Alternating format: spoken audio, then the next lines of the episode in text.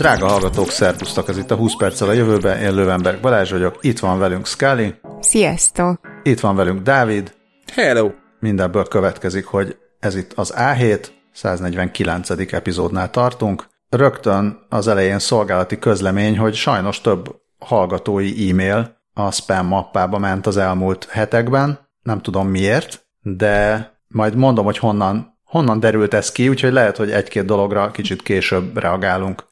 Viszont ami ez alatt kiderült, miközben átfutottam a spam mappát, hogy több Tamás nevű spambot is írt nekünk az infokukackasz.hu címre, tehát még a, még, a, még a spambotok is tudják, hogy a hallgatóink jelentős része Tamás, és ezzel próbálnak beférkőzni a bizalmunkba. Azt írja... Hát mert a spambotok is hallgatnak minket. Igen, de ez tök jó. De hát jó, de ha hallgatnak minket a spambotok, akkor lesznek szívesek adás releváns spamet írni, és nem pedig azt, ezt írja Csernger Tamás, illetve Szoboszlai Tamás nevű kedves hallgató. Azért mondom a teljes nevüket, mert azért szerintem a spambotokat annyira nem foglalkoztatja a GDPR. Tehát azt gondolom, hogy van egy ilyen hallgatólagos megegyezés, szóval ők a az ajánlatkérés kukat szabadmunkaerő.hu címről leveleznek, és azt szeretnék hozzátenni a műsorhoz, hogy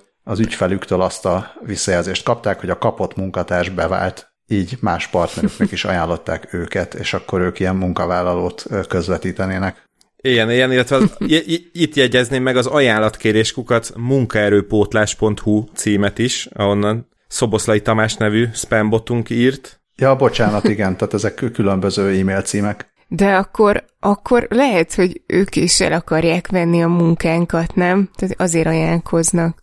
Na de nem adjuk magunkat. Nem, azt nem. Na de a, a Tamásokon túl e, írt nekünk Robi is, aki nem a spambot hallgatókhoz szeretne hozzátenni, hanem az állat hallgatókhoz. Azt mondja, hogy lehet, hogy érdekes lenne a hallgatóknak, hogy egyre több állat kommunikál a gazdájával beszélő gombokkal és ő ugyan az Instagramon követi a, azokat a kutyákat és a macskákat, akik ilyen gomba fejezik ki az örömüket, bánatukat, vágyaikat, de közben rákerestem, hogy ez a hungerforwords.com nevű nem tudom mi szolgáltat, nem is, nem is annyira szolgáltatás, inkább egy, egy, egy valami, tehát egy ilyen story, meg könyv, meg, meg ilyesmi, mozgalom, amit Christina Hunger nevű beszéd hát egy beszédterapeuta indított, aki a Stella nevű kutyáját 2018-2019-ben megtanította gombokkal, gombnyomásokkal kommunikálni. Tehát először megtanította neki a játék, víz, meg ilyen hasonló alapszavakat, és most arra már 45 szót ismer Stella, egy hihetetlenül cuki keverék kutya. Van egy ilyen soundboard-szerű táblája, rengeteg gombbal, és megnyomja, amit, amit akar állítólag ezeket kombinálja is. Van egy People magazinos cikk erről, utána ezt felkapta az internet. Úgyhogy lehet, hogy a jövőben majd a, a kisállat hallgatóinktól is kaphatunk hallgatói e-maileket, én alig várom. Nagyon jó lesz. Én, én, hát... én azt nem teljesen értem, hogy bár nyilván biztos megvan a módszer hozzá, hogy az egyébként tök ugyanolyannak kinéző gombok közül honnan tudja Stella, hogy mikor melyiket kell megnyomni. Gondolom, hogy megtanították, hogy a bal felső az, amikor éhes vagy, és a jobbról a harmadik, amikor nem tudom, ki akarsz menni a kertbe. Nagyon aranyos, hogy a, itt a weboldalon, az videón egy már olyan verzió is van, ahol ilyen különböző színű gombok vannak, Ö, nem mintha a kutyáknak lenne színlátása. Hát aztán valamilyen színt látnak, csak nem pont, tehát olyan... Ja? Nem olyan széles spektrumon meg mm. kever, tehát tévesztenek, meg ilyesmi. Tehát lehet, hogy azért de, valamit de, meg tudnak különböztetni egymástól. De ettől még nagyon cuki a módszer, és igen, én is nagyon várom a kis állathallgatóink olvasói leveleit. Ö, és ez valószínű hatékonyabb, mint, mint az az app, amiről nem tudom, néhány hete, hónapja beszéltünk, ami elvileg a cicáknak a nyelvogását fordítja le, de a, nekem így meg se hallja amikor belenyelvog a vendég cica, úgyhogy, úgyhogy a, azt hiszem Miau Talk volt a neve, az, az nálam nem vált be, de ez, ez így elég direktnek tűnik. Erről nekem eszembe jut a Lázár Ervin a Nyúl, mint tolmács című meséje, ahol a, a ló és a kecske akart egymással beszélgetni, és hát nem, nem akarom itt elspoilolni a Lázár Ervin mesét, de, de elfogom. Szóval ott a, a, a ló végül megtanulta, hogy azt kell mondani, hogy meg-meg, illetve a, a kecske meg, hogy nyihaha, és akkor nagyon jól elbeszélgettek egymással, és lehet, hogy ez lesz, hogy a, mi megértjük majd, hogy a macska mit nyávog, de a macska is majd hajlandó lesz gombokat nyomogatni, hogy kéri a tápot. Én egy kicsit most megriadtam attól, hogy majd amikor a Duolingo bagoly megtanulja ezt kezelni, akkor lesz vége a világnak. Engem az érdekel, hogy a szarvas mit mond, vagy szarvasi. Nagyon Szarvas szép. azt mondja, hogy kész a kávé. És De jó. Tungi Tomi küldött nekünk kisokost arról, hogy, hogy lehet okosítani szarvasi kávéfőzőt. Erre jók a mérnök hallgatók, minden egyébre is, de, de arra is, hogy ő egy több pontos leírást küldött arról, hogy milyen egyszerű kis házi barkács megoldásokkal tudja a, tudják a kismérnökök, vagy mérnök beállítottságú kávékedvelők megcsinálni, hogy a, az alapból nem okos kávéfőző is megokosodjon. Ettől én nagyon felvillanyozottam, és igaz ugyan, hogy mérnöki vénám az nem... Oh, oh, oh, Igaz, hogy mérnöki vénám az nincs, de vannak mérnök szüleim, úgyhogy lehet, hogy majd tőle, tőlük kérek segítséget, és a háztartásban található szarvasi kávéfőzőt egyszer csak felokosítom. Hogyha ez megtörténik, akkor természetesen besz, beszámolok erről. Mindenképpen tőlem, mert kérdezte Tungi Tomi, hogy, hogy vajon okos már a szarvasi kávéfőződ. Mm, illetve azt még mindenképpen mondjuk el, hogy, hogy azt hiszem, hogy Balázs bedobta erre, hogy smartvasi ami Tungi Tominak nagyon tetszett, és, és nem tudom, le, le fogja védetni, és ez lesz az új beceneve, és ilyesmik. Igen, az Azért nagyon... azt, az, az annyit mondjunk el, hogy itt ilyenekről van szó, hogy vagy akár egy mechanikus időkapcsolót össze lehet gyógyítani a feltételezem, hogy elektromos szarvasi kávéfőzővel, akár egy digitális időkapcsolót, akár egy wifi relét, vagy ami a, az én kedvencem, az a switchbot ami egy gomb megnyomó robot. Reméljük, hogy ő is hallgat minket. Most er, ezen elgondolkodtam, bár mondjuk igen, végül is ezt nem lehet távolról vezérelni, de eszembe jutott az a, az a doboz, amire ráteszel egy pénzt, akkor egy kis kar elveszi a tetejéről. Végül is le, olyanra is meg lehet csinálni, és akkor, akkor a, egy, egy húszasért automatizálod a kávéfőződet. Hát sőt, ennek, a, ennek az Ultimate gifes megoldása az az volt, amikor felkapcsolsz egy gombot, amitől kinyúlik egy robotkar, és lekapcsolja a gombot. Igen, igen. Erre, erre emlékszel? Igen, igen. Ez egy ilyen mérnökök az... perpetuum mobiléje, vagy nem is tudom, ilyen mérnökök Möbius szalagja. Na, szóval várjuk a, ezeket a házi megoldásokat nem csak papíron, hanem az életben. Addig is köszönjük szépen Tominak. Azután van még follow Hát persze, hogy van. Hát a szarvas után még egy mamut is volt. Hát ha lefőtt a, a kávé, is. akkor ezt meg is kell inni.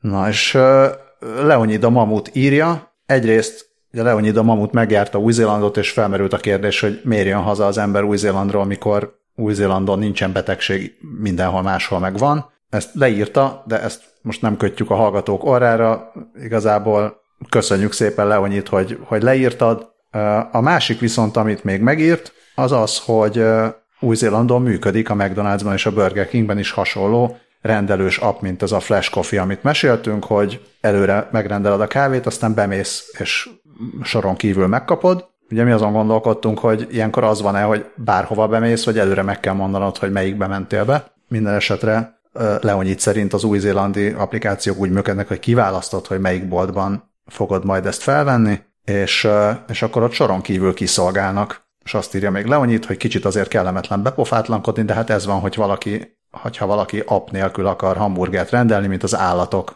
az viselje a következményeket. Ezzel egyetértünk. Nagyon szép. Hát kíváncsi vagyok, hogy amikor majd ezt esetleg Magyarországon is bevezetik, akkor hanyadik ilyen sor, sor kielőzésnél csatta majd az első pofon. Meg hány kávénál fogy le a rendszer. Hát mondjuk, hogyha én arra járok, akkor az valószínűleg az elsőnél. ja, igen. Na, ezek voltak a follow és a azonnal minden átvezetés nélkül a mit lézer rovatra fogunk ugrani, ami hát egy icipicit high-tech is, vagy legalábbis mezőgazdaság, mert lézeres gyomírtó robotról hozott hírt Dávid. Igen, és rögtön meg is ragadnám az alkalmat, hogy hát ugyan ez, a, ez csak később fog adásba kerülni, de tekintve, hogy május 4-ét írunk, ugye ez a nemzetközi Star Wars Day, és hát ez csak, ennek csak azért van jelentősége, mert Autonomous Vidernek hívják ezt a gyomírtót, és akkor nyilván, nyilván egyből Darth Vaderré alakítottam fejben. Egyébként a Carbon Robotics harmadik generációs gyom, gyom, gyomláló robotjáról van szó, ami először azonosítja a különféle gyomnövényeket, majd nagy erejű lézerekkel elpusztítja azokat. És hát ez ugye olyan szempontból nagyon jó, hogy nem kell semmiféle gyomírtót meg egyéb ilyen vegyszereket használni. Uh, viszont azt írja a freethink.com, hogy a robotokra viszont azért van szükség, mert a mezőgazdasági iparban, hát itt gondolom most az elsősorban az amerikai mezőgazdaságról van szó, de hogy komoly munkaerőhiány van ezen a téren, úgyhogy a gyomláló robotokra van na, nagy szükség van. Egyébként 12 kamerával szkenneli a földet, miközben végighalad az ágyások mentén. Egy AI alapú számítógép dolgozik benne, az azonosítja nem kívánatos növényeket, és széndiokszid lézerekkel egyszerűen így el, elégeti, vagy szinte elpárologtatja ezeket a gyomokat. Azt írják, hogy több mint százezer gyomnövényt tud elpusztítani egy óra alatt, ami egy nap alatt 15-20 ékör, ami, ami sos, a, jó, oké, okay, kösz. Mert mi ezzel mindig bajban vagyok, az ékör meg a hektár az ugyanakkor-e, de akkor jó. É, ez körülbelül 20-szor annyi. Most közben nem. kiderült, hogy nem. A, igen, az acre az a hold. Hold, hát az hold, nagyjából igen. egy fél, fél Kösz. hektárnál kicsit kevesebb. Aha, na jó, akkor a hold. Hektár. Szóval 15-20 hold ö, mezőgazdasági területen tud végigmenni, ez, ezt 20-szor annyi, mint, mint egy, mint egy ember, emberi munkás, aki ilyet végez, úgyhogy nagyon gyors és hatékony. Egyébként meg azt arra számít a Carbon Robotics Ja nem, bocsánat, egy Shane Myers nevű ö, mezőgazdász kérdezett meg a Seattle, Seattle Times, aki maga is alkalmaz ilyen robotokat, hogy arra számít, hogy, hogy két-három éven belül megtérül az ára, ö, még úgy is, hogy a Carbon Robotics CEO-ja szerint több százezer dollárba kerülhet egy ilyen robot, bár a pontos árat nem volt hajlandó elárulni. Icipici problémát látok abban, vagy nem, nem, nem problémát, hanem hogyha itt nagyon uh, Love, Death and Robots per Black Mirror felé szeretnék elmenni, hogy a, a nap, amikor, amikor a robot kiterjeszti a gyom fogalmát, mint Igen, olyan, ez a lézer. Olyan élőlény, ami nem tesz jót a földnek, vagy valami hasonló, tehát van az a megfogalmazás, ami szerint aggódnunk kellene, hogyha jönne a nagy erejű lézerrel a gyomírtó robot. Szereljünk nagy erejű lézert egy önjáró AI által vezérelt robotra, mi baj lehet? Igen, és akkor ebben a kontextusban már is más értelmet kap az, hogy e- egy óra alatt több mint százezer gyomot tud azonosítani és elpusztítani. Mm, egyébként tök vicces, mert, vagy tök vicces akkor, hogy nekem jutott eszembe a nevéről, hát így az autonóm füvező, tehát hogy én inkább így, amikor megláttam, hogy azt képzeltem, hogy valaki, aki kitalált, hogy már pedig neki joga van marihuánát szívni, illetve hát a másik a fogd és víd módszer. Jaj, de szép. Hát Kaliforniában szerintem egészen sok autonóm füvező van mostanában. Hát Simán illetve lehet. ez Kali akkor, hogyha Magyarországon is teljes legalize lesz, akkor szerintem a kis fűbutikod neve az már meg is van. Igen. Tökéletes. Ja, hát, vagy, vagy a másik a víd hírül. Vidá, vidám vasárnap. Na, egyre jobb. mm, Meg egyébként még, még ahogy így néztem ezt a cuki videót, amin így mászkál, és így maga alá világít a, a lézerrel, arról meg az jutott eszembe, hogy hát így a lézeres szőrtelenítő kezelésen is így szokott kinézni, csak ugye sokkal kisebb a tudsz. Egyik kockarobot megy végig az emberen? nem, nem, nem kockarobot megy, hanem egy öm, hasonló formájú cuccot húzgálnak az ember bőrén. Már aki vállalja a kockázatot. ja, igen. Ja, még zsonglőrködhetünk a szavakkal itt egy, egy keveset. amíg, még, amíg még lehet, amíg még amíg még, amíg még nem jönnek a robotok, igen, akik elveszik a zsonglőrök munkáját.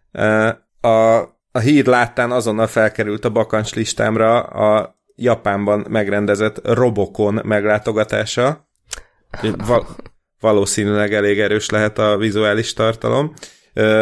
Az idei Robokonon az volt a feladat. Bocsánat, mielőtt ebbe belemennék, gyorsan meg kell említenem az úgynevezett Bottle Flip Challenge-et, ami hát szerintem tavaly, meg tavaly előtt pörgött nagyon az interneten. Ugye ez hát volt az, amikor... 2018-ban, mert ez egy 2018-as Robokonról szóló. Oh, Ugye ez a...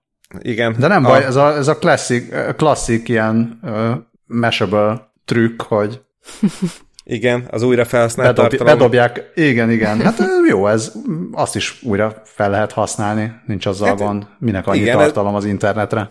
Hisz egyrészt meg hát végül is, meg... hogyha ezt nem tették volna meg, akkor soha nem értesülünk a japán robokonról. Uh, igen, szóval... és nem beszéltünk még róla, tehát most beszélhetünk róla. Így van, viszont uh, akkor gyorsan vissza, tehát gyorsan vissza a Bottle Flip Challenge-re, ugye ez, ez a 2018 nagy mémje volt, akkor ezek szerint úgy kellett így eldobni egy ö, ásványvizes, kólás, akármilyen ilyen fél literes üveget, hogy ö, a talpán landoljon, úgyhogy közben még fordul is egyet a levegőben, és akkor mindenféle nagyon látványos videókat csináltak, meg aztán jöttek a, az ilyen internetes zsonglőr csapatok, akik nem tudom, autóból kidobva, meg, meg nem tudom, a ilyen nagy nem tudom, darúról ledobva, meg hasonló helyekről mm, is dobálva zsonglőrködtek a flakonokkal, és akkor hát az Japánban megkitalálták, hogy akkor jó, a következő robokonon e, gimnazistáknak kell majd ilyen flakon e, haigáló robotokat csinálni,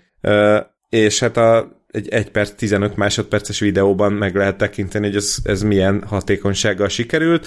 Nagyon rövid spoiler, nagy hatékonysággal, és hát nyilván olyan ö, dolgokat is meg tudnak csinálni, ami hát üzen biztosan többször egymás után, ami egy embernek nem sikerülne, vagy csak nagyon sokadik gyakorlásra. Azért gondolom, hogy itt el voltak ezekkel a kis robotokkal ezek a diákok is, mire a nem tudom, ilyen két-három méter magas oszlopok tetejére sikerült feldobáltatni velük a palackokat, sőt, még akkor olyan is van, hogy először pattan egyet egy ilyen kis trambulinon, és utána ugrik fel a hosszú, nagy, magas állvány tetejére.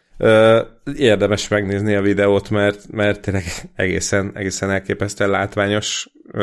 Nem is a megoldás, mert ezek a robotok, ezek ilyen teljesen tehát nincsen bennük semmi cuki, meg, meg semmi robotszerű, egy ilyen, nem tudom, kerekeken guruló, furcsa ipari szerkezetnek tűnnek, de, de ahogy Azért elhatárolódunk a robot, robot shamingtől. De, bocsánat, no, no semmiféle shaming, nem, ezek na- nagyon, nagyon tehetséges és ügyes robotok, nagyon egyedi megjelenéssel, ez abszolút büszkén, büszkék lehetnek rá, és tényleg nagyon tehetségesen dobálják a flakonokat. Mindig, mindig kicsit olyan megalázó, amikor a amikor robotok olyan gyakorlatot végeznek el, ami nagy precizitást igényel, és ugye azt gondolod, hogy emberként szóval hogy nem lehet, de sokszor egymás után nem lehet reprodukálni, tehát valamikor biztos, hogy elrontod, de a, a robot meg ott van, és megcsinálja százból százszor. Picit nyomasztó, ugyanez a, a palacsinta megfordító, de akár a kosára dobó robotnál is ez volt, vagy a robotpalánk, hogy mindig, mindig nem tudod, nem tudod nem bedobni a labdát, meg meg ilyenek, hogy az emberi mozgásban mindig benne van a pici kis véletlen, hogy jó lehet, hogy százból 90-szer valami profi megcsinálja, vagy 98-szor, de előbb-utóbb akkor is elrontja, és ezek még nem rontják el. Ez kicsit olyan, mint hogyha robotok ellen szurkolná, hogy na, rontsák már elő ők is. Bedobtam gyorsan a jegyzetbe egy ö, videót, amit még tavaly forgattunk a, az NLC NLC-re, megpróbáltunk összehozni egy ilyen nagyon laza trickshot videót, amiből ugye rengeteg van az interneten, ilyen nem tudom, kulcsomó dobálás, meg, meg törülközőt rádobni az akasztóra, meg hasonlók. Egy szakképzett zsonglőr segítségét kértük ehhez, de így is valami, egy, egy bő három perces videóról van szó, amit kb. négy és fél órán keresztül vettünk fel, szóval ajánlom mindenkinek a megtekintését, és akkor utána már még jobban lehet értékelni a robotok munkásságát. Hát nem mindenhol értékelik a robotok munkásságát. ja, a New Yorki rendőrségre gondolsz.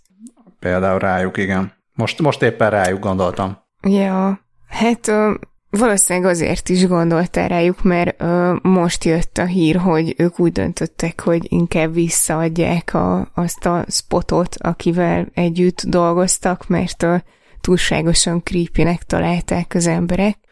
Mm, tavaly ősz óta tesztelték, és azt írják, hogy 94 ezer dollárért leasingelték. Gyorsan meg is néztem, hogy a, a Boston Dynamics a boltjában, amit ugye Balázs el is nevezett Spot Shopnak, Mm, ott, a, ott az alapmodell, a Spot Explorer, ez 74.500 dollárba kerül, és az összes többi ö, modellnél, vagy az ilyen a fejlettebb modelleknél már ö, külön árajánlatot kell kérni. Úgyhogy azt nem, azt nem írták, hogy a rendőrségnél melyik típus volt, viszont a beceneve Digidog volt, és elvileg uh, nyomozásokban segített a bűnügyi helyszíneken, illetve az, az volt a terv, hogy túsz helyzetekben is segítséget nyújt, de túl sok kritikát kapott miatt a rendőrség, az emberek fenyegetésként tekintettek rá, és úgy, úgy érezték, hogy az elő, erőszakot jelképezi, és felmerültek a megfigyeléssel kapcsolatos aggályok is. Úgyhogy végül a New Yorki polgármester szóvivője úgy fogalmazott, hogy elidegenítő és rossz üzenetet közvetít New York lakossága felé, úgyhogy, úgyhogy visszaadták a robotkutyát, és nem dolgoznak vele többet. Pont a héten, múlt héten jutott eszembe, hogy pont az ilyen esetek elkerülésére a Ugye a Sony-nak az Ajbó kutyájából készült néhány éve egy felújított változat, ugye az első az valamikor a 90-es évek végén, 2000-es évek elején jelent meg, és az még, az még ilyen nagyon robot kutya volt, és akkor van az új, új verzió, ami, aminek már ilyen cukimuki kis kutya arcot csináltak, meg ilyen nagy tócsa szemei vannak, ilyen manga szemei, és arra gondoltam, hogy majd amikor ezeket a rendőr spotokat átöltöztetik ilyen cuki kutyának, akkor majd az hogyan változtatja meg az emberek hozzáállását. hát majd arról is készül egy Black Mirror rész, és akkor, és akkor majd az se lesz már olyan cuki. Igen. Az külön szép egyébként, hogy e- ezt a cikk, amit hoztál, ez a hypebeast.com-ról jött. Igen, mondjuk a spotnál nagyobb hypebeast-et nem nehéz lenne elképzelni. Igen, még esetleg a Big Dog az egy egyen nagyobb hypebeast. Ja, viszont hogyha én lennék a Boston Dynamics, akkor például egy jó PR akció lenne írni egy olyan programot a spotra, ami megtanítja a Stellához hasonló kutyákat, hogy hogy kell a beszédgombokat használni. És akkor ott ah. összereszted a robotkutyát a valódi kutyával, és a robotkutya megtanítja a szavakat a valódi kutyának. Aha, ez tök jó. Ez nagyon-nagyon jó. Ez nagyon trükkös. Ja. Sőt, hát akkor már a, a robotkutya tud öm, játszani ilyen, hogy hívják magyarul a fetch, tehát amikor így eldobálod a botot a kutyának, Apport. vagy a labdát. szóval, hogy olyat is tud vele játszani. Milyen Volt valamikor egy pár éve az a videó, ki. amikor a Boston Dynamics közeli Erdel Terrier játszott, vagy idegeskedett, már nem emlékszem melyik a spot láttán. Legalábbis ott így összeresztették a két kutyát talán. Nagy, nem, nagy meglepetés lesz, amikor majd elkezdik körbe szaglászni a spotot, és akkor csodálkoznak, hogy vala, valami hiányzik róla. hát ja, de a kutyák azok szerintem elég jó uh, szociális alkalmazkodó képességgel rendelkeznek, tehát el fogják tudni fogadni, hogy ennek most éppen nincsen kutyaszaga, ez nem, nem kutya, ez valami más. De ugyanúgy a ember társadalomhoz tartozik, tehát elfogadjuk. Szerintem lehet, hogy nyitottabbak, mint a New Yorki polgárok. Valószínűleg, meg hát végül is megharapni úgy sem tudják. Hát lehet, hogy... Nyeltsük meg. Lehet, hogy be kéne vonni valami puhább, szőrösebb anyaggal. Hogy megkeresik a kikapcsoló gombot. Meg ja. egyébként a kutyák szabálykövetésben is elég jók rájuk, így kicsit egyértelműbb szabályok vonatkoznak, mint mondjuk a robotokra, vagy a mesterséges intelligenciára. Hát azt nem tudom, hogy milyen szabályozások vonatkoznak az Európai Unióban például a kutyákra. Minden esetre április végén jelent meg a, az Európai Bizottságnak egy, egy, egy ilyen, hát ez nem, nem törvény, hanem valami szabályozási javaslata arra, hogy hogyan lehetne EU szerte harmonizálni a mesterséges intelligenciára vonatkozó szabályokat, törvényeket.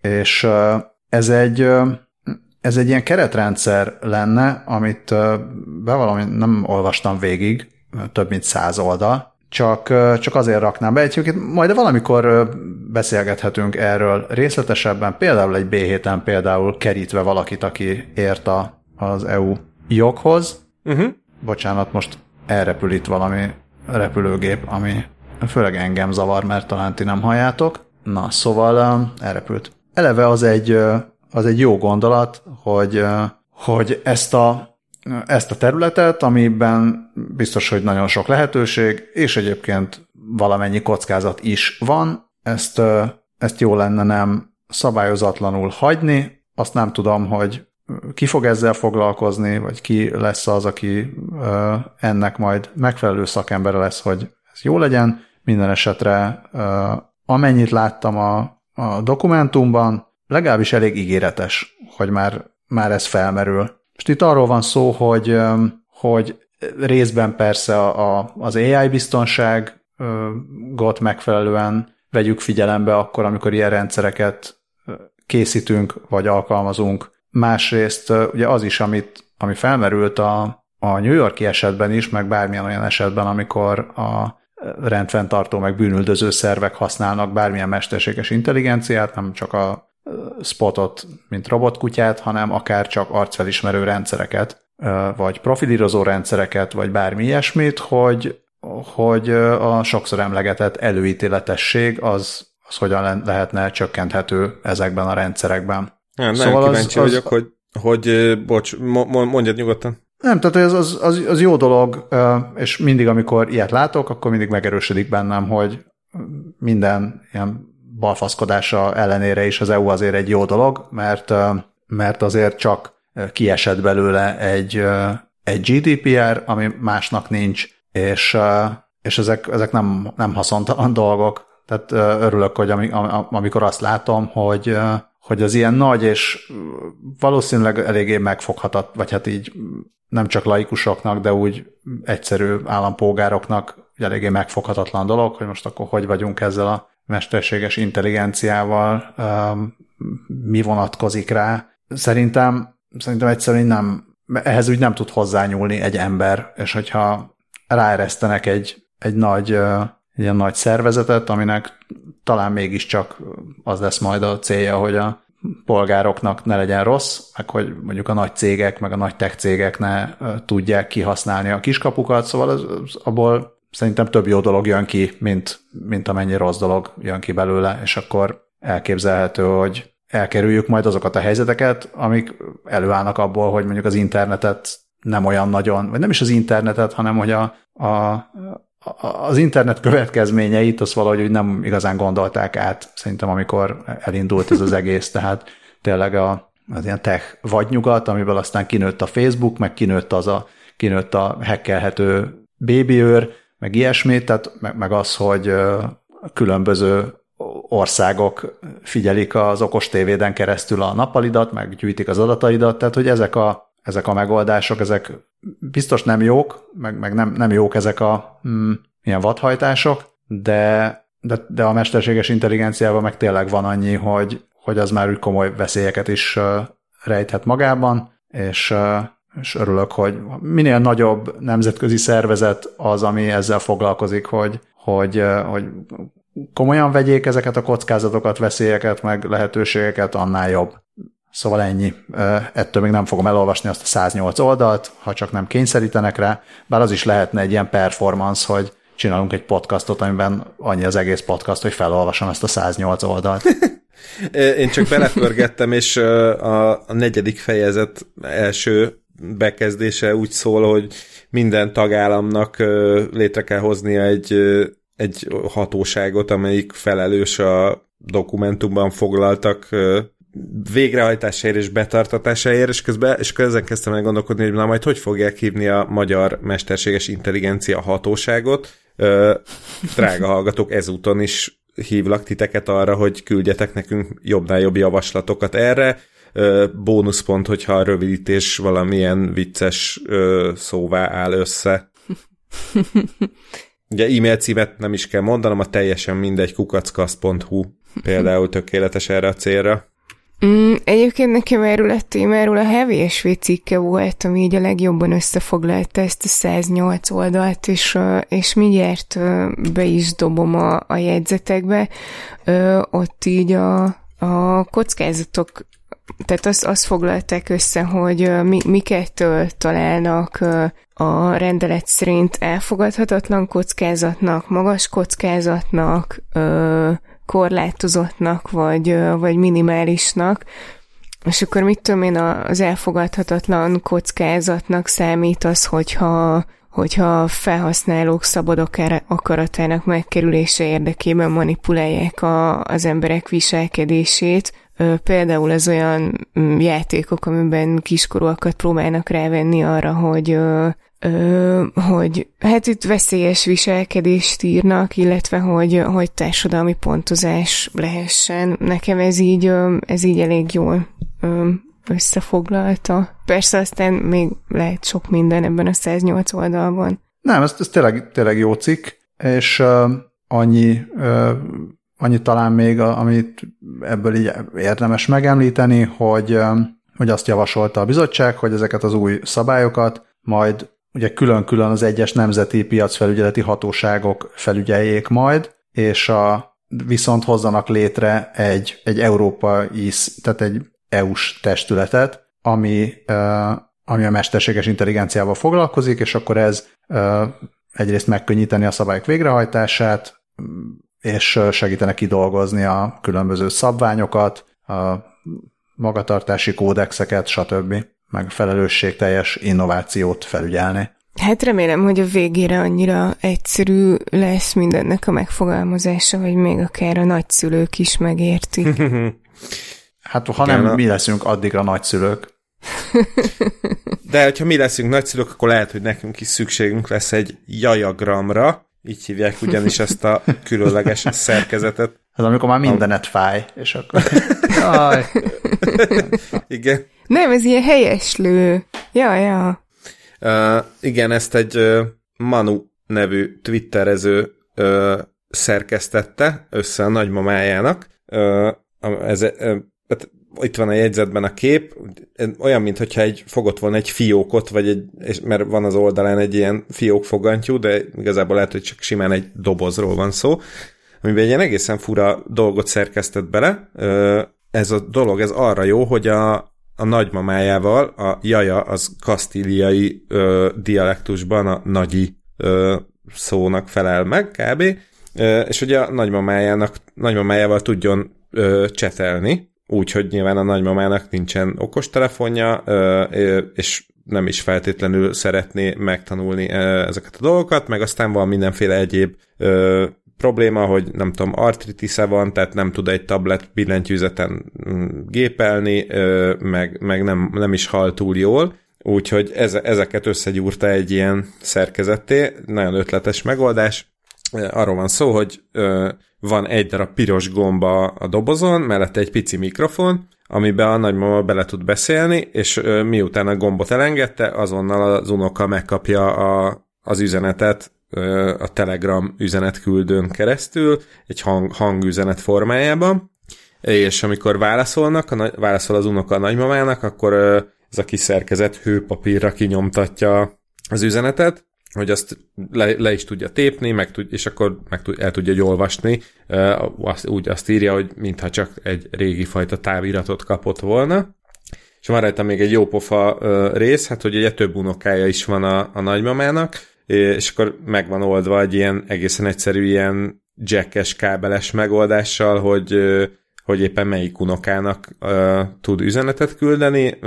Hát ez teljesen olyan, mint egy ilyen klasszik telefonközpont. Így van, így van, ezt is írja is Manu, hogy mint a régen a, a kábellányok, hát ugye a cable girls, ugye az ilyen telefonközpontos kisasszonyok ö, kapcsolgatták a hívásokat, és akkor így ugyanígy, hogyha nagymama ö, Manuelnek szeretne, ö, ugye Manu a, a twitterező üzenetet küldeni, vagy hogyha nem tudom, Luciának vagy Máriának, akkor egyszerűen csak átdugja azt a kábelt a megfelelő lyukba, és már megy is az üzenet.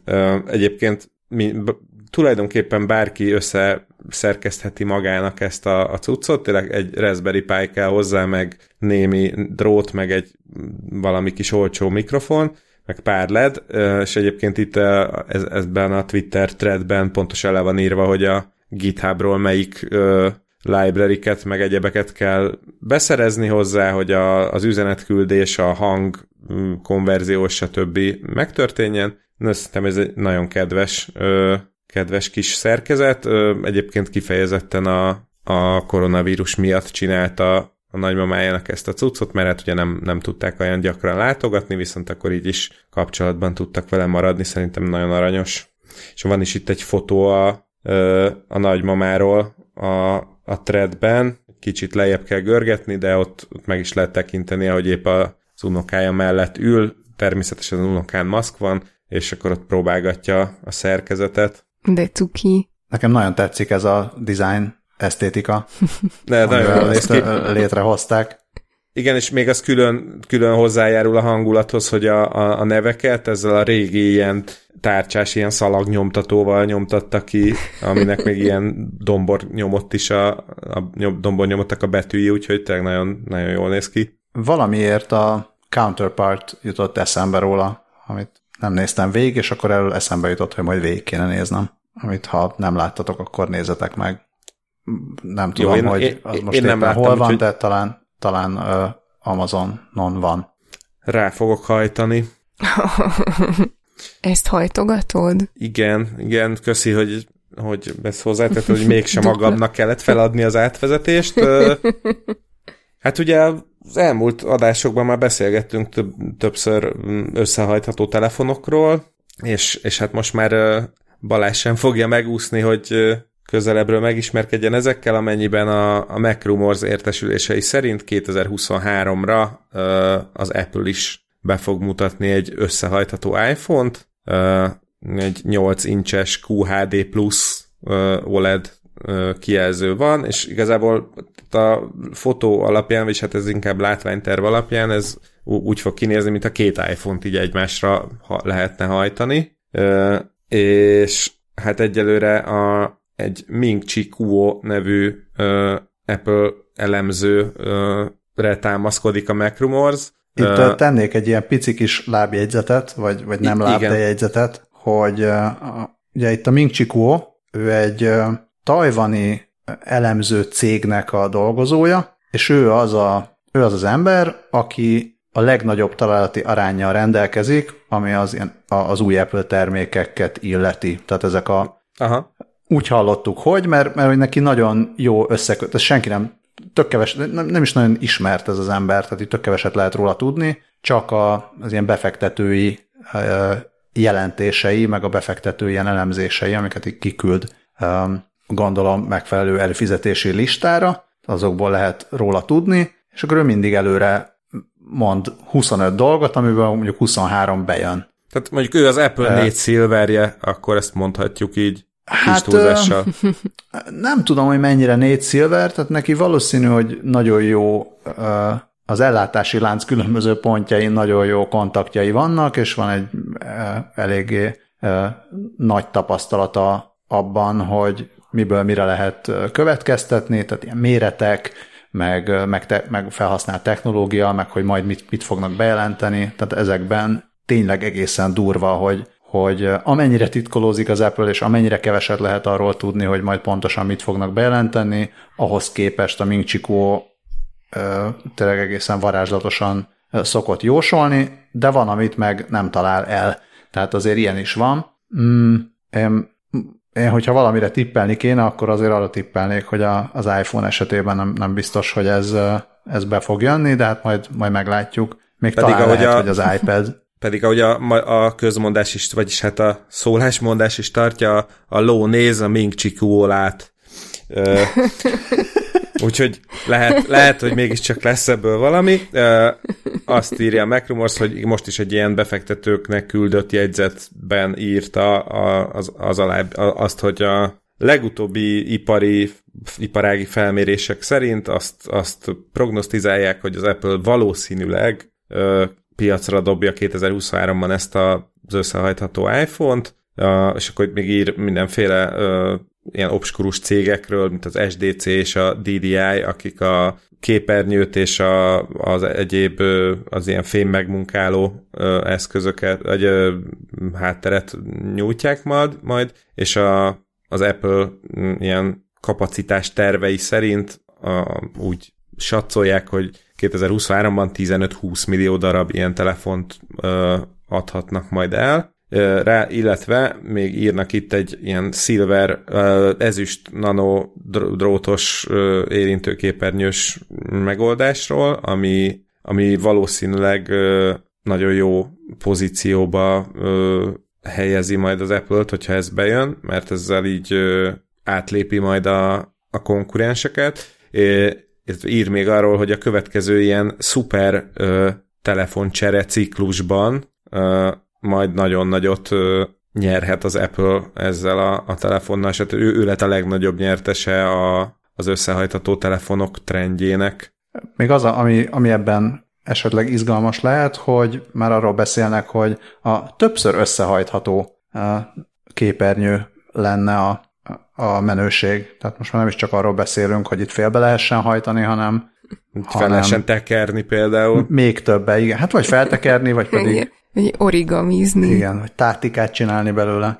Leporellót. A tátikának hát, hívják ahogy... azt a négy irányba széthajtható izét, amivel a iskolában játszanak a gyerekek? Igen, azt hiszem, hogy ez a, a EU bizottság által hivatalosan elfogadott és szabályozott neve.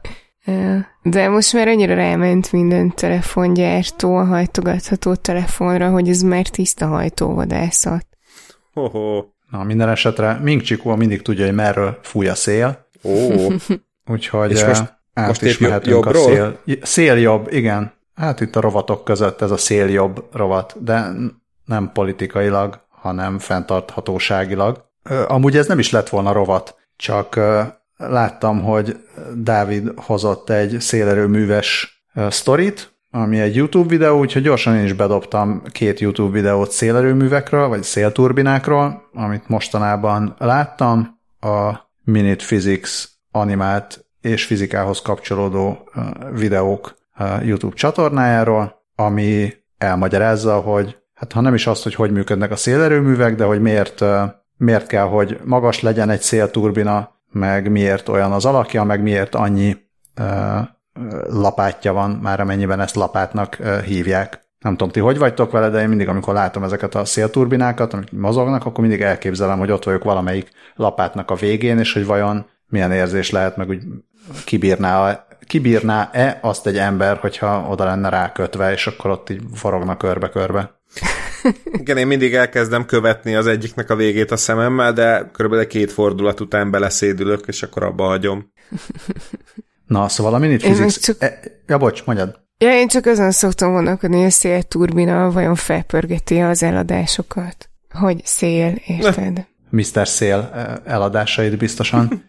Már nem tudom, hogy az létezik-e még ezek a, az ilyen nagyon ilyen Uncanny Valley öltöny rendelő hely, ez a Mr. Szél, ez nem? nem? Az szerintem létezik, de ha nem is ezen a néven, a, a, a jogutód azt tuti, hogy létezik, mert valószínűleg majd amikor már az emberiség kipusztul, akkor a Kárpát-medence még akkor is tele lesz majd ilyenekkel. Na, szóval igen, tehát ezek a papír prospektusok azok nem feltétlenül a fenntarthatóságot szolgálják, de a szélturbinák igen, és a, az első videó az, az, az azt mutatja be egy olyan két és fél percben nagyjából, hogy hogyan jutottunk el a ilyen Don Quixote-i szélmalmoktól oda, hogy vannak ezek a nagyon magas és három lapáttal ellátott szélturbinák, amiben én valahogy eddig bele se gondoltam, hogy ugye amiben különbözik egy szélerőmű a vízerőműtől, hogy a, a víz aztán hogy ugyanúgy mm, folyik tovább, igazából majd ugyanazzal a sebességgel jön, jön ki, az egy, vagy megy ki a egyik oldalon, mint jött be a másik oldalon, vagy fordítva, de hogy a szélturbina az igazából lelassítja a szelet. És, és akkor vannak ilyen optimalizációs számolgatások, hogy mennyire érdemes lelassítani a szelet, ahhoz, hogy, hogy minél kevesebb legyen az energiaveszteség. Érdemes megnézni, hogy a, tényleg a két videó összesen 5 perc a hasznos ideje, a maradék időben a szponzorokról beszélnek, és, és egy picit okosabbak lehetünk arról, hogy miért így néz ki a, a szélturbina ahogy, és, és hogy körülbelül, hogy hát nem az, hogy hogy működik, mert az egy nagyon bonyolult dolog, de, de tényleg, egy picivel többet megértsünk arról, hogy hogy lesz a, hogy lesz a szélből, és mennyi energia. Közben a, az a, az aktualitása, hogy az egyik videót azt a Bill Gates alapítványa szponzorálja, és valahogy nem tudom, ebből jutottam oda, a, ugye Bill és Melinda Gatesről mennek ma mindenféle hírek, hogy válnak, és a Mac Rumors-t, meg ezt a Bill Gates könyvet valahogy összekötöttem azzal, hogy elém került a Twitteren, hogy 27 év után Melinda Gates végre használhat Mac-et. ja. Szép. Ami a legjobb fog. hír ebből az egészből. Hát azt nem tudom, hogy fog-e, vagy hogy ő menekül-e ebből a házasságból, vagy nem, de csak eljutottunk az eredeti videóhoz, amit Dávid behozott, mert hogy innen jöttünk egyáltalán a szélerőművekhez. Így van, egy Tom Scott nevű fiatalembernek a videóját ö, láttam. Igazából ez teljesen véletlen volt, már éppen készültem bezárni a gépemet, a, és készül, elkezdeni készülni az adásra, amikor megláttam ezt a videót, és gondoltam, hogy ezért ezt csak bedobom, mert egyrészt elég látványos, másrészt meg tök érdekes, mert bele se gondoltam ebbe, hogy hogy, hogy lehet gyor, vészhelyzetben hogyha vészhelyzetben egy szélturbin vagy szélerőmű tetején találod magad, akkor hogy tudsz onnan Kedves lejutni? hallgató!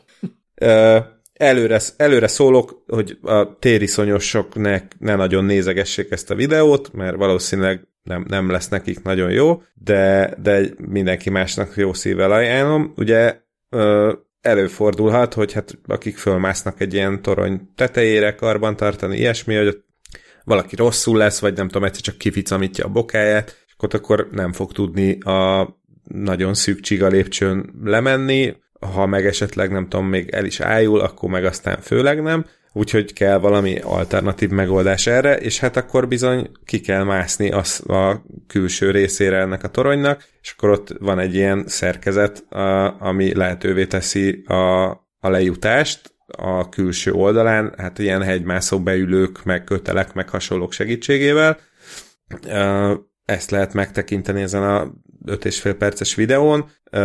Szegény ember azért annyira ne, nincsen annyira nem magabiztos még ott a, az elején, bár valószínűleg senki sem lenne az, amikor azt mondják neki, hogy jó, figyelj, és akkor most így kezdj el lehátrálni így a, a semmibe, és bízzel benne, hogy majd a kötelek megtartanak, de, de utána azért, azért elég jó pofa lehet ott onnan nézegetni a világot, főleg úgy, hogyha az ember tudja, hogy azért két adag ö, ilyen hegymászó kötél azért elég stabilan valószínűleg megtartja, amíg leér. És hát még, még arra is kitér itt a jó ember, hogy, hogy igen, tehát van az, amikor tényleg mondjuk valaki el van ájulva, vagy, vagy nem tud a, lábán ilyen ö, úgynevezett upseiling technik, technikával lejönni, ö, akkor egyszerűen csak így leengedik, mint egy Jack Krumplit, az mondjuk egy kicsit, tehát hogy ö, nyilván az akkor, akkor nagyobb baj van, ha ilyen van, de, de akkor is le lehet onnan juttatni az embert biztonságosan. Azt mondják a videóban, hogy itt általában az alap megoldás az az, hogy lejössz a lépcsőn, vagy le, lehoznak a lépcsőn, de, de ez arra van, hogyha, hogyha például valaki tényleg hordágyon kell lehozni, tehát nem is csak az, hogy, hogy ha, igen, ha elájult, akkor a mentőcsapat az nem megy föl a lépcsőn, hanem kintről mennek fel, de hogy ez egy, ez egy ilyen leengedő. Tehát a főleg, főleg nem is ez a hegymászó megoldás az érdekes, hanem ez a a zsákkrumpli technológia, hogy ez, ez úgy van megoldva, hogy itt a, a, az embert bármi is van, leengedjék úgy, hogy neki nem kell semmit csinálnia. Tehát itt magyarázza a, a, az üzemeltető cégnek a képviselője, hogy még adott esetben szívroham után is inkább, tehát tényleg a utolsó előtti megoldás is az, hogy inkább jöjjön le a lépcsőn, vagy hozzák le a lépcsőn, de ez a, ha, ha semmi nem megy, akkor. Vagy hogyha YouTube videót akarsz csinálni. Igen, illetve hát itt is lehet látni, hát ugye nyilván mindenki tudja, hogy milyen bazi nagyok ezek a, szélturbinek, de azért mindig, amikor emberek ott vannak a tetején, és ahhoz lehet viszonyítani, akkor azért sokkal jobban kontextusba került, tényleg milyen iszonyatosan nagy, nagyok ezek a szerkezetek. Én már csak annyit tudok ehhez hozzátenni, de azt mindenképpen ki kell emelni, hogy az egész sztorinak a feszültségét az oldja, hogy a, a videóban szereplő férfinek az ilyen a biztonsági sisakján, így az elején van két ilyen googly eye, amitől ilyen tök viccesnek néz ki az egész. Igen. És az egész kevésbé volt félelmetes, úgyhogy nem is kellett kapkodnom a levegőt, amikor néztem. Még, még annyit hozzátennék, mert ez igazából Scully-nak illene bemondania, de hogy ilyenkor szokott elhangzani a 20 perccel a jövőbében a amíg szél el nem felejti, és valószínűleg Tom, Tom, Tom Scottra ez maximálisan igaz. De ha már, igen, ha már a levegő kapkodásáról van szó, akkor ugorjunk is át az oxigén az volna rá rovatunkba, aminek az apropóját a BBC-n megjelent hír adta, hogy ugyanis lélegezhető oxigén van a Marson, igaz, hogy nagyon-nagyon csekély mennyiségben, mert a NASA-nak a Perseverance nevű kis kutatórobotján van egy szerkezet, a MOXI nevű eszköz, amivel a Mars széndiokszid légköréből oxigént állítanak, állítottak elő. Ez volt a második sikeres ilyen technológiai demonstrációja a Perseverance küldetésének. Ugye az első az a kis, az Ingenuity nevű kis mini helikopter sikeres rep- reptetése volt, és akkor ez a MOXI nevű szerkezet, ez egy betűszó, mint a NASA-nál szinte minden, ez a Mars, Mars Oxygen In Situ Resource Utilization Experiment, vagyis a Marsi, Mars, Marsi oxigén helyben való ö, felhasználására irányuló kísérlet, kicsit bicegő fordítással. Ez egy ilyen kenyérpirító méretű doboz, ö, ami 5 g oxigént állított elő. Azt írják, hogy ez egy a Marson tartózkodó űrhajósnak 10 percre lenne elég, ami Hát nyilván a gáz az könnyű dolog, de azért ez tök vicces belegondolni, hogy 5 gram az 10 perc lélegzést tesz lehetővé, és a, hát erre azért volt szükség, vagy hát azért kísérleteztek ezzel, mert a, a jövőben, amikor majd már embereket küldenének a Marsra, akkor a Moxinak ilyen sokkal nagyobb felskálázott verzióival ö, állítanak majd elő számukra az oxigént, ahelyett, hogy a földről hurcolják magukkal, hát minek is, amikor ott végül is van egy csomó oxigén molekula, csak megfelelően össze kell őket legózni, Ö, illetve még ez arra is jó, hogy a, a tiszta oxigénre nagy szükség van a rakétahajtóművek ö, égésénél, a, úgyhogy az, arra is jól jön ez a, az eszköz, mert egyébként a Marsnak az atmoszférája 96%-ban széndiokszidból áll, úgyhogy abból azért lehet átalakítgatni. Ja igen, és még az is, azt is írták, hogy hogy arra számítanak, hogy a Moxi óránként 10 g oxigént tud előállítani. Na hát akkor óránként elő tud állítani 20 percre elegendő oxigént egy embernek. Most még azért ne induljunk a marsra, ha jól hát, számolom. Vagy vi- vigyünk, vigyünk magunkkal több moxit. Tényleg. Moxigént. Vigyünk, vagy vigyünk magunkkal egy izraeli innovációt. igen, igen.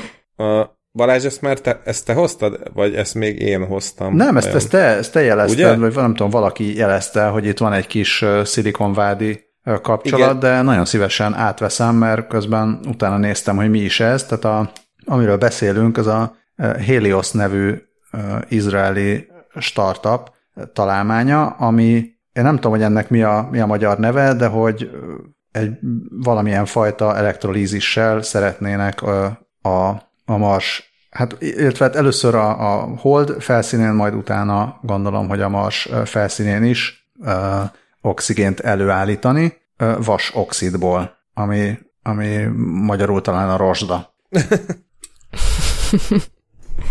azt nem, nem, nem, nem igazán írják le, hogy ez pontosan hogy működne, és akkor elkezdtem utána nézni, hogy vajon miért nem írják le. Hát azért nem írják le, mert bonyolult.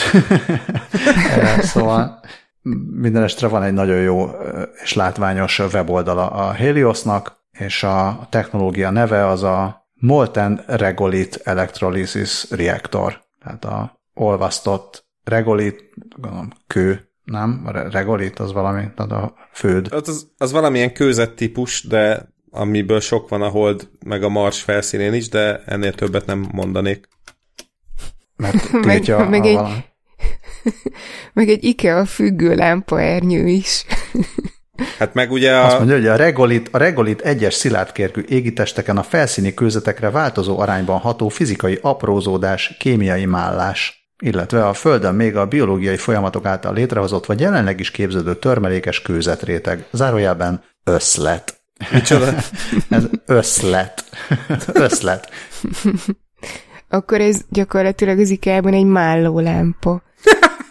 Nekem csak annyit ott eszembe, hogy még a régi panellakások fürdőszobáiban hangozhat el, hogy engedd már le azt a fregolit, de ez egy kicsit más.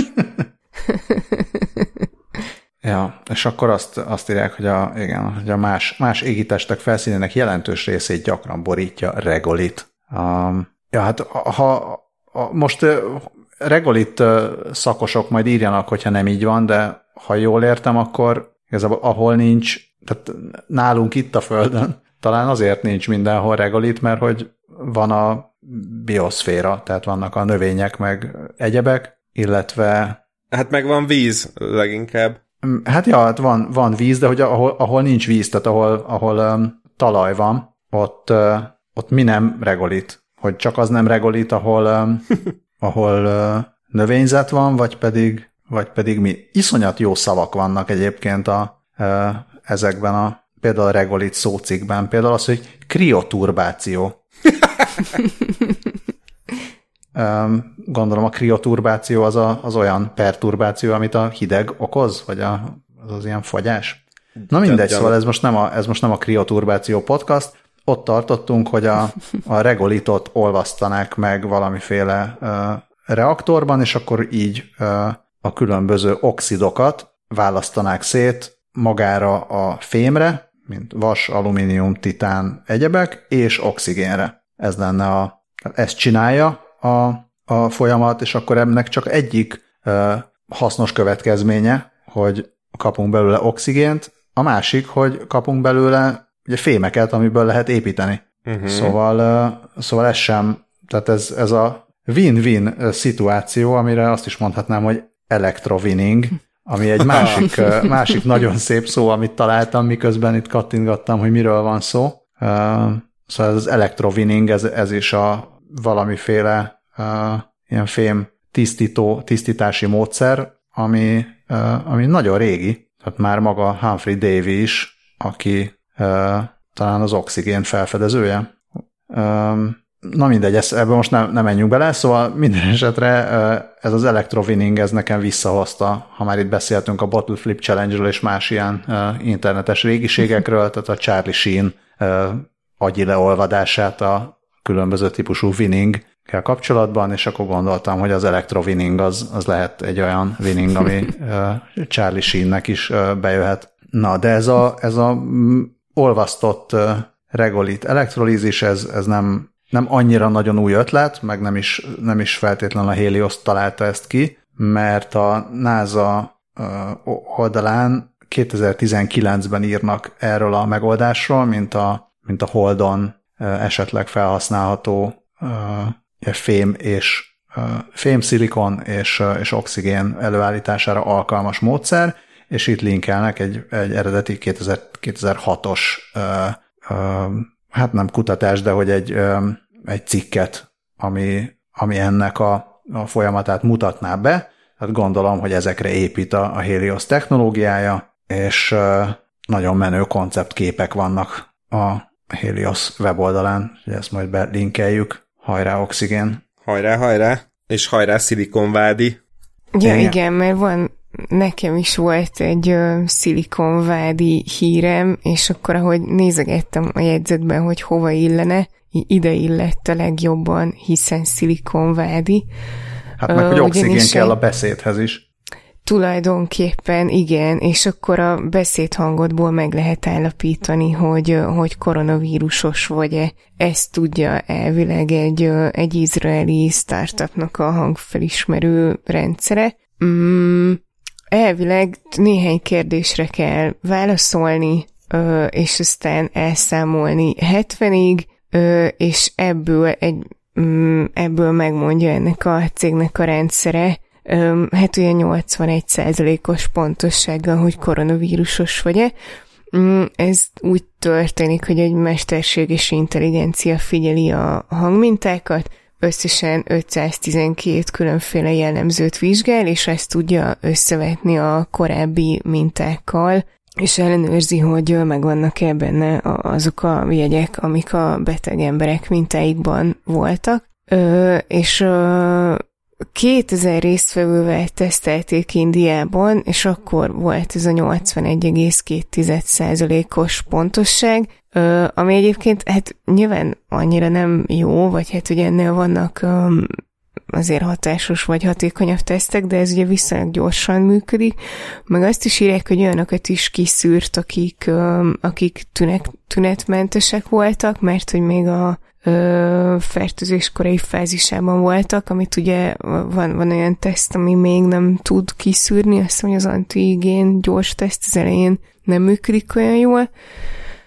meg egyébként más betegségeket is ki tud szűrni, például a krónikus obstruktív tüdőbetegséget, a pangásos szívelégtelenséget és a pulmonális hipertóniát. Elképzelhető, hogy, hogy eredetileg nem is feltétlenül így főként a koronavírus szűri, szűrésére fejlesztették, mert hogy még 2019-ben alapították ezt a, a céget, Vocalis Health a, a startupnak a neve, ö, és egyébként a ö, okos telefonra vagy más eszközökre is telepíthető az az app, amivel ez a vizsgálat lebonyolítható. És azt írják itt a HVG cikkében, hogy, hogy az a terv, hogy, hogy kereskedelmi forgalomba hozzák, de már elvileg most is működik az állami és magánszektorban, az Egyesült Államokban, Csillében, Indonéziában, Dél-Afrikában, Romániában és Luxemburgban. Én pont azt akartam mondani, mielőtt mondtad volna, hogy ezt Indiában tesztelték Covid-ra, hogy ha Izraelben tesztelték volna Covid-ra, akkor egy nagyon egyszerű algoritmussal el lehetett volna érni akár 98%-os, vagy talán annál is jobb pontosságot, hogyha mindig csak az dobja ki, hogy nem vagy covidos, mert itt már elég alacsony a teszt pozitivitási arány, tehát még csak mesterséges intelligencia se kell hozzá. Hát attól de, függ, mikor tesztelték. Igen, de, de megnyugtató, hogy ezt máshol tesztelték, úgyhogy akkor elhisszük. Hát meg az is megnyugtató, hogy feléd már olyan kevés a pozitív. Én azon gondolkodtam, hogy vajon ez a Vocalis Health nevű cégnek mennyi köze van a hát nem is tudom, hogy azt kik fejlesztették ki, azt a hangelemző szoftvert, ami, ami akár telefonon keresztül képes megmondani, hogy valaki igazat mond, de vagy hazudik. Ezt még annó, amikor a damage a HVG-nél dolgoztunk, akkor ő tesztelte is, és, és, és mondta, hogy nagyon, ijesztő, nagyon ijesztően pontos volt, mert pedig akár onnan nézem, az, az több mint 10 11 évvel ezelőtt történt, úgyhogy azóta ez biztos, hogy sokat fejlődött és hát nem lennék meglepve, hogyha a tudom is én Mossad boszorkány konyhájában jött volna létre annak az eredeti változata, és esetleg le, tehát látok rá esélyt, hogy a Vocalis Health is abból sarjat ki. Tök jó, akkor végül is az, azzal is össze lehet kötni, hogy, hogy aki pozitívan nem így ellenőrzik, a, hogy tartja a karantént. Megkérdezik, hogy tartja-e, és aztán a válaszról megállapítják, hogy, hogy igazat mondott-e. Teljesen jó. Közben, közben nézegettem, hogy a, esetleg itt helyi cikkeket találok-e a vokalis csekről, és ráakadtam egy innovációkkal kapcsolatos, vagy innovációkról beszámoló helyi oldalra, aminek az a neve, hogy No Camels. Jaj. Micsoda és diszkrimináció. El is, el is magyaráz, igen, el is magyarázzák, hogy hát nincs semmi bajuk a tevékkel, de arra gondoltak, hogy az izraeli innovációs híreket egy olyan oldalon mutatnák be, ami megmutatja, hogy ez nem csak egy sivatag mindenféle tevékkel, hanem más is van itt. Még amikor mondtad, hogy nálatok nagyon kevés a pozitív teszt, akkor eszembe is jutott, hogy akkor nálatok annyian vannak az egészségesek, mint az oroszok. Jaj. Jaj. uh, igen. Uh, a, ugyanis... Hol vannak még oroszok? Hát uh, vannak az űrben... Oroszországban? Oroszországban is vannak, meg vannak az űrben is, de lehet, hogy majd nem sokára még többen lesznek az űrben, ugyanis a Fizorg számolt be róla, hogy Oroszország éppen egy saját űrállomás létrehozásán dolgozik, amit a tervek szerint 2025-ben bocsátanának fel a világűrbe. Ez, ez, ez a része örvendetes a hírnek, az kevésbé örvendetes, hogy Dimitri Rogozin, a Roszkozmosz vezetője szerint fennáll a lehetősége annak, hogy Oroszország kiszáll a, a nemzetközi űrállomásból, mert most egy picit feszült épp a viszonya a nyugati országokkal, mindenféle kémkedés, meg, meg a ukrajnai határnál mm, csapatmozgások és hasonlók, de tehát, hogy a, tényleg hagyjuk a, a politikai részét a dolognak, azt mondta Rogozin, hogy aki egyébként a Telegram appon keresztül adott ki közleményt, nem tudom, lehet, hogy ez a mi régi reflex, hogy egy ilyen kémbiztos platformon adja ki az egyébként tök nyilvános közleményt, amiben azt mondta, hogy a, az első, az ilyen legalapabb modulja a, az leendő orosz űrállomásnak már, már épül, és az orosz Energia nevű űrvállalat azt ígérte, hogy 2025-re kilövésre kész lesz ez a modul, és ki is adtak egy videót, amin éppen a kedves munkatársaik dolgoznak a modulon. Már, bocs, egy pillanat, azt remélem, hogy ezt a Telegram appon keresztül ugyanazzal az ilyen kis Raspberry Pi-os ilyen bőröndös switchboarddal adta ki, mint amit a Manu készített Jajagramon keresztül? Nagyon Piros megnézném. Gomba. A pir, igen, igen, igen. Úgyhogy egyelőre ennyit tudni a dologról, és Yuri Borisov orosz miniszterelnök helyettes azt mondta minap, hogy els, hogy azért is felmerült fel a, a nemzetközi űrállomásból való kiszállás, mert hogy már nagyon öreg a nemzetközi űrállomás, ugye 1998-ban uh, lőtték fel az első adagját, és akkor azóta folyamatosan egy csomó egyéb modullal bővült. Uh, azt, mond, azt írta még a Roszkozmosz, hogy a hogyha majd úgy dönt, még, még, hogy még nem, nem született ez ügyben döntés, és hogyha megszületne az a döntés, hogy kiszállnak, akkor, akkor azonnal megkezdik a tárgyalásokat a különféle partnereikkel a 2024-et követő együttműködésről, úgyhogy, úgyhogy ez a helyzet most épp Oroszország is az űr vonatkozásában. Én szomorú lennék, ha az, a nemzetközi űrállomásból kiszállnának, remélem azért majd, hogyha az új orosz űrállomás létrejön, akkor az, azt is majd egy idő után kinyitják más űrhajósok előtt is. Az lenne az űri emberhez méltó viselkedés. hát ez szerintem is csak idő kérdése. Oh. Már a pontos időt azt biztos nem fogjuk tudni megmondani. Igen, viszont különösen, hogy, hogy az órák ilyen egészen furán viselkednek, úgyhogy itt, a, itt az ideje a Hajnal 3 a konyhában című rovatunknak. A, a sciencenews.com-on találtam egy nagyon érdekes ö, írást arról, hogy a, az órák pontossága ö, attól, attól is függ, hogy a, ahhoz ö, lehet szoros, azzal lehet szoros kapcsolatban, hogy mennyi entrópiát termelnek ezek az órák, ö, idézőjelben. Ö, ne, most én nem vagyok benne teljesen biztos, hogy 100%-ig felfogtam, ami ebben a cikkben van, ö, de az a lényeg, hogy a, a, azt írja Emily Conover, a Science News munkatársa, hogy a mai modern órák azok nagyon-nagyon precíz ritmusban képesek mérni az időt, de egy új kísérlet szerint ennek az entrópia növekedése az ára. az entrópia, vagyis a rendezetlenség, az minden egyes másodperccel nő, tehát gyakorlatilag minden alkalommal, amikor az óra ketyeg egyet, és most kutatóknak sikerült lemérnie az entrópia mennyiségét, vagy hát az, azt az entrópiát, amit az órák generálnak, és arra jutottak, hogy, hogy az entrópia mennyisége az függ az óra pontosságától is. Minél pontosabb egy óra, annál több entrópiát bocsát ki. Erről egyébként a Physical Review X című szakfolyóiratban számoltak be az Oxfordi kutatók, és azt mondta Natalia Árész, a fizikus, az Oxfordi fizikus, hogyha jobb órát akarsz, akkor azért fizetni így kell, és hát így kell fizetni. És vajon minek, a, az, vagy minek az entrópiáját mérték még, vagy a termelt entrópiáját? Hát azt, azt nem tudom, mert szerintem sokkal, tehát összesen se vagyunk annyira fizikusok, hogy ezt az egészet értsük, de valami olyasmit, olyasmi jön le, nekem le ebből a cikkből, hogy, hogy az entrópiának van sokféle ilyen egymással elméletileg egyenértékű meghatározása, és az egyik az a, az a, a hő, a, a rendszer hőjéhez, vagy hő energiájához kapcsolódik, és szerintem ezt mérték, tehát azt, azt mérték, hogy, hogy, hogy több hőt termelt ez a, ez a rendszer akkor, hogyha a pontosságot növelték, és e, ebből, ebből mondták azt, hogy az entrópia nőtt.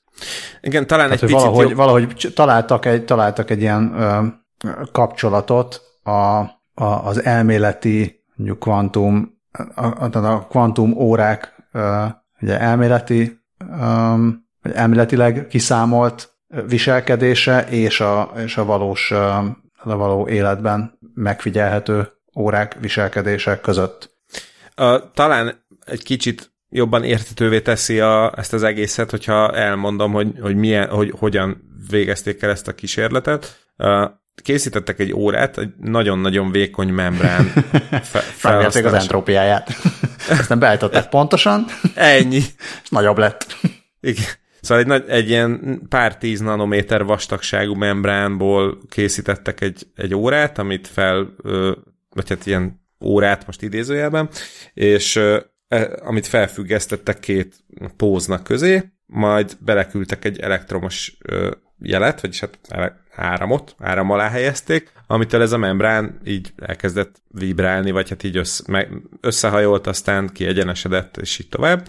É, és hát ezt így elkezdték ö, úgy ö, adagolni az áramot, mint hogyha egy órának a kattogás, vagy hát a, ahogy szépen haladna a másodperc mutatója, é, teljesen szabályos időközönként. Ketyegés. Ketyegés, köszönöm szépen, ezt a szót nem, nem sikerült kimondanom és egy antenna segítségével meg lemérték, hogy mennyit mozog a, ez a membrán, és hogy minél erősebb áramot kapott, annál pontosabb volt a ketyegés, viszont ahogy a, a, az óra pontossága növekedett, a, az antenna, vagyis hát ebben az áramkörben mérhető hő mennyisége ö, egyenesen arányosan növekedett úgy szintén.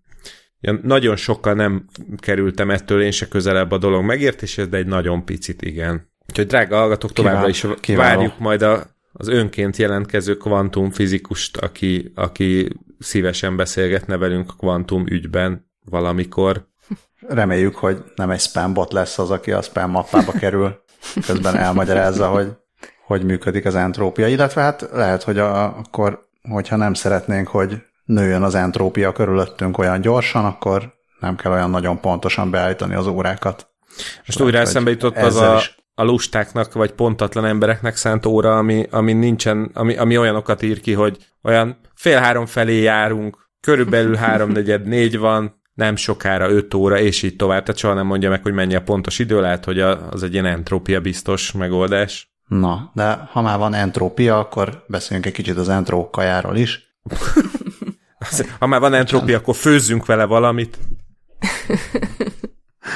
Igen, mert, mert hogy ez egyébként a hajnali három a konyhában rovat már valami miatt. Rovatos kolléga rovatos kollégára nézek most itt, hogy Hát én, én bocsánat, a, a hajnal három a konyhában rovatban én kizárólag ezt az órás entrópiás cuccot tettem be, aztán a, a többi az már gondolom a konyha miatt jött, hogy konyha, Igen, a hajnal konyha, három a konyhában az, az, az amikor uh, mindenki egymásra néz, hogy ki érti jobban az entrópiát meg a kvantumfizikát.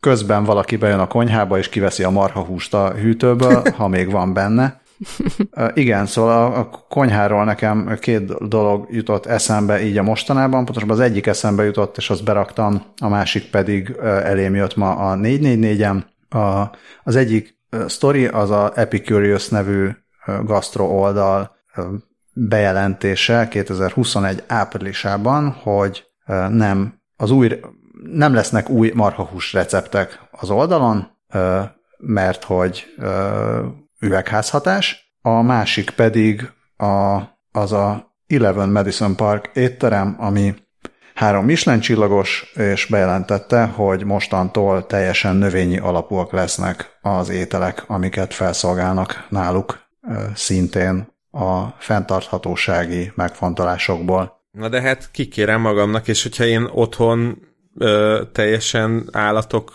leülése nélkül növezgetem Petri csészébe a, a marhahúsomat, akkor nem kapok hozzá receptet. Hát milyen dolog ez? Na, hát igen, igazából ezért, ezért dobtam be ezt az egészet, mert az, hogy vannak vegán éttermek, szerintem azzal nincsen probléma. Nem tudom, hogy ez most éppen fenntarthatóság, vagy pedig felültek erre a trendre, és akkor majd három év múlva már megint fognak húst használni. Minden esetre New Yorkban a három Michelin csillagos étterem az biztos rá tud ülni erre a vonatra, kísérleteznek a teljesen növényi alapú tejvaj és tejszínpótlók kifejlesztésével, és azt mondja a David Hum nevű séf, hogy ideje újraértelmezni a luxust, mint olyan élményt, amely magasabb célt szolgál, és fenntartja a valódi kapcsolatot a közösséggel. Hmm én ezt a, ezt a mondatot próbálom egyelőre újraértelmezni, vagy, vagy akár, akármennyire is értelmezni, hogy mire gondol. Um, lehet, hogy ez csak fordítási probléma. Ja, csak egy kicsit péres ez a mondat. Igen, kicsit. Tehát ha jól értem, akkor azt akarja, hogy a luxus az egy olyan élmény legyen, ami magasabb célokat szolgál, és a közösséghez kapcsolata van. Hát én azt gondolnám, hogy a luxusnak a definíciója az, hogy minél szűkebb közösséggel legyen bármiféle kapcsolata is, és a magasabb cél, amit szolgál, az a, az a hedonizmus és a pénzköltés, de én örülök, hogyha David uh, Ham újra értelmezi a luxust, uh, viszont az a, az a hosszú poszt, amivel a Epicurious megmagyarázza, hogy akkor most ők új marhahús recepteket már nem fognak közölni, mert hogy a üvegházhatású gázok kibocsátásának majdnem 15%-a a um, haszonállatokból jön, és ezek 61 százaléka, tehát összesen azt mondom, hogy akkor mondjuk 9 százaléka a, a, a szarvasmarhához vezethető vissza, és, és akkor ezért ezért ez a nagy bejelentés, hogy akkor most nem lesznek új marhahús receptek. A régieket azért megtartjuk, de, de újak nem lesznek, szóval én nem, nem, nem tudom, mit, mit gondoltok erről az egészről, mert Közben néztem, hogy az Epicurious egy külön posztba összegyűjtöttem, hogy azt írják, hogy biztosak, biztosak benne, hogy mindenkinek sok kérdése lesz, mert megpróbáltuk ezeket kitalálni és válaszolni is rá, és egy külön posztba itt végigmennek az összes ilyenen, hogy, hogy most azonnal vége van, és, és akkor én se egyek már ö, marhahúst, és, és, és egyébként mi van a tejjel, meg mi van a, a teljesen bio marhahússal, meg ilyenekkel, úgyhogy azt, azt érdemes végigolvasni. Bár ahogy így végigpörgettem csak gyorsan, azért nagyon sok választ nem adnak erre azon kívül, hogy mert globális felmelegedés. Ö, úgyhogy Hát igen, tehát én, én azt hiszem már az első kérdésemben megfogalmaztam, hogy mi a problémám ezzel az egésszel, hogy egyrészt tök, tök jó, hogy az Epicurious odafigyel ilyen dolgokra, de ugyanakkor meg arra is oda lehet figyelni, hogy közben egy csomó tök okos ember meg azon dolgozik, hogy azért a marhahús is megmaradjon, meg a, meg a bolygó is mm, jól lakjon. szóval, hogy szerintem azért, azért nem kéne ezt ilyen, ilyen gyorsan azonnal leállítani, főleg, hogyha tényleg létre tudnak jönni olyan dolgok, amikről mi is beszéltünk már csomót itt a podcastban, hogy majd akkor ilyen 3D nyomtatás, meg, meg, meg egyéb megoldások segítségével tökre létre lehet majd hozni, az akár a, a simán az alapanyagok, vagy az, az alapmolekulák kombinálásából tökre működő marhahúst, ami egy gram széndiokszidot, meg metánt, meg semmit se fog kibocsátani, meg, meg vizet se iszik, mert, mert laborba készült, nem a legelőn. Ö, én arra lennék kíváncsi, hogy, hogy ezzel az Epicurious mit, mit ér el, tehát hogy vajon hány ember van, aki erre azt mondja, hogy Ja, hogyha nincsenek új marhahús receptek, mert itt felhívták a figyelmemet a globális felmelegedésre, akkor én többet nem veszek marhát. Tehát, hogy ez, ez, ez vajon hány, hány ember lehet? Biztos csak egy ilyen komolyabb bífet akarnak kirobbantani a különböző táborok között. Csak növelik a bífet ezzel. Hogy, um, ja, én azért megkülönböztetném a, a a mindenféle ilyen alt húsokat, meg ezeket a milyen laborban növesztett izéket att, attól, ami a hús, um, és, és még akkor is szerintem szóval nem, nem, tudom ezt, nem tudom ezt máshogy értelmezni, mint, mint PR, PR felé lépés, mert szerintem senki nem jegyezte volna meg, hogyha egy büdös új marhahús receptet nem posztolnak most, Szerintem senki nem kérdezett volna rá, hogy gyerekeket, hol vannak az új marhahús receptek. Mert feltételezem, hogy van elég marhahús recept. Tehát van, van elég recept a világon. Tehát nem, nem, nem, nem hiszem, hogy, hogy bárki, ha, ha ugyanezt megcsinálják, és azt gondolják, hogy oké, okay, most fenntarthatósági, meg akármilyen szempontból, mondjuk ha száz új receptet feltolunk a következő hónapban, akkor akkor lehet, hogy nem a marha húst kéne tolni, mert azt gondoljuk, hogy inkább menjünk a növényi alapú ételek felé, meg, meg, meg, a, meg az egyéb más zöldebb alapanyagok felé. Oké, okay. tehát ehhez nem kell, nem kell kiadni sajtóközleményt, nem kell kiadni. Tehát ez, ez annyira, annyira tipikus, ez a kicsit ez az ilyen nem, nem, nem, tudok, jobb, nem tudok jobb szót, mint ez a, a hangos, hangos fehér ember. Tehát, szóval ez a, green, nyugat, a greenwashing. Nyugati, nyugati gazdag, vagy nem is fehér, tehát hogy ez a nyugati gazdag ember, nem? Tehát ez a um, um, első világbeli problémáink. Igen, abszolút. Azon kívül egyébként az Epicurious tökre képmutató is, mert közben én az instájukra rákeveredtem, és ott így má- március 30-án például egy fa- fantasztikusan jól kinéző bárány receptről receptet tettek közé, már pedig azért azt gondolom, hogy ha most így hirtelen mindenki átállna a bárányhúsra, az pont ugyanolyan problémás lenne, mint a marhahús jelenleg. Úgyhogy meg... Igen, meg tehát ahelyett, hogy, ahelyett, hogy beszélnének arról, hogy, hogy mondjuk hogy néz neki egy fenntartható mezőgazdaság, vagy mit csináljunk a 7 milliárd másik emberrel, aki mondjuk nem az Epicurious-t olvassa, és onnan nézi a recepteket, de mégis valamilyen módon fehérjéhez szeretne jutni. Tehát ezzel mind-mind lehet foglalkozni, illetve szerintem akár, akár hogyha Magyarországról beszélünk, mint gondolom, hogy itt azért a magyar szarvasarha tenyésztők nem fognak itt hirtelen eldobni mindent, és, és átállni valami másra.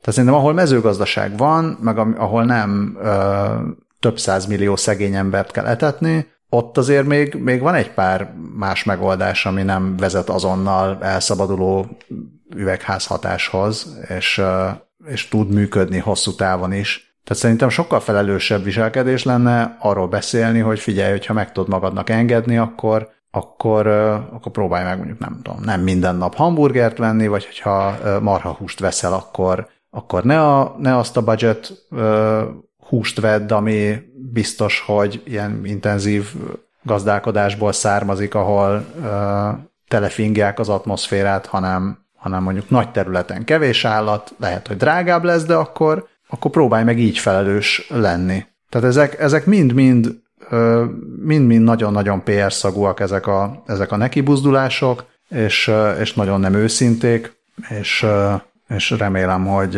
a felhasználók meg a szakemberek is majd szanaszél fikázzák őket. Igen, egyébként az a része az így tök jó, hogy, hogy, hogy kiállnak a fenntarthatóság mellett, csak, csak pont nem jó dolgok, tehát pont nem jól nyúltak hozzá, és, és mint hogyha így nem kérdeztek volna meg egyetlen szakembert sem.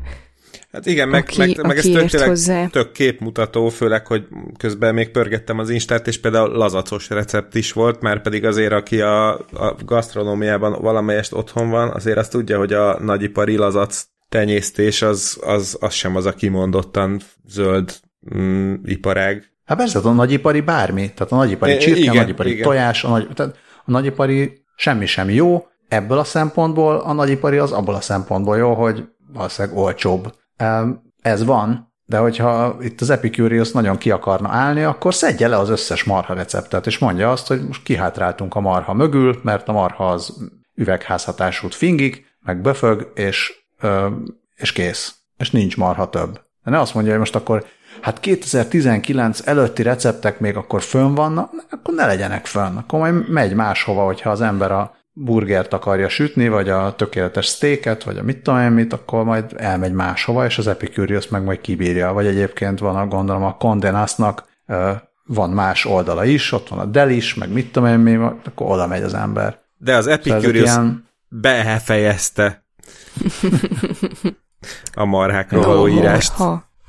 Szóval ez, ez, ez, a, ez a marhaság. A konyhában meg aztán tényleg tök mindegy, hogy a fine dining étterem mit csinál, a fine dining étterem az azt csinál, amit akar. Senki nem azért megy fine dining étterembe, mert elvárja, hogy ott már pedig tárják elé a hatféle húst, majd az elmegy egy másik csillagos étterembe, ahol meg van hús. Igen, vagy egy jó szóval szerintem pont a fine dining az meg tudja csinálni, de mondjuk a fine dining az meg, az meg nem feltétlenül fogja a nagy nép közösség elképzeléseit nagyon módosítani. Maximum meg tudja mutatni, hogy, hogy létezhet fine dining akkor is, hogyha nincs semmiféle állati eredetű étel a tányéron. Hát ezt mások már, már megmutatták más éttermekben is, úgyhogy miért pont nekik ne sikerülne. Mert nekik szorosabb közös, vagy olyan kapcsolatuk van a közösséggel, és újra értelmezik a luxust. Ja, hát ezúton is üzenem, hogyha bármelyik három csillagos étterem szeretne velem szorosabb kapcsolatot, akkor várom a meghívásokat, és nagyon szívesen elmegyek építeni velük a szoros kapcsolatot egy kóstoló menü keretében. És ezt a Budapest-Tel Aviv tengelyen is tudjuk vállalni. Bárhol, ahova szabad utazni két Pfizer oltás után. Na, fejezzük be akkor mi is ezt be ezt a, az epizódot. Nagyon-nagyon szépen köszönjük a drága hallgatóknak a hallgatást, meg az íróknak az írást, olvasóknak az olvasást, kisállatoknak a kisállatkodást, a iTunes review-kat. Picit megugrott most a pozíciónk az iTunes-ba, azt vettem észre, mert azt mondtam, hogy korábban a, a valami miatt a, a hírek kategóriába voltunk sorolva, és akkor átsoroltam ezt az egészet úgy, hogy elsősorban inkább tech és akkor utána hírek, és akkor ettől most úgy megjelentünk a tech rovatba is. Ó, nagyon. Végre a helyünkre kerültünk. ja, és még csak hajtogatni se kellett az iTunes-t hozzá. Na, ezek vannak. Öm, ja igen, jöttek új Patreon támogatók is, azt is nagyon szépen köszönjük. Éljenek sokáig. A Patreon is csodálatos, és az iTunes-ban az ajánlás is csodálatos. De a legeslegszebb, meg legjobb dolog, amit csak tehettek, az az, hogyha van valaki, aki szerintetek szívesen hallgatna ilyesmi kontentot, annak mondjátok, hogy hallgassa a 20 perccel a jövő bét. Ez olyan, mint hogyha mint hogyha egyszerre nyomtatok volna öt csillagot az iTunes-ban, vagy meg a Patreonon bármit. Jó? És azt se felejtjétek, hogy minél több podcastot hallgattok, Mark Zuckerberg annál szomorúbb lesz. És ez jó. És ez jó. Igen. Uh, és annál annál kevesebbet finganak a marhák. Köszönjük szépen, szervusztok! Sziasztok! Hello!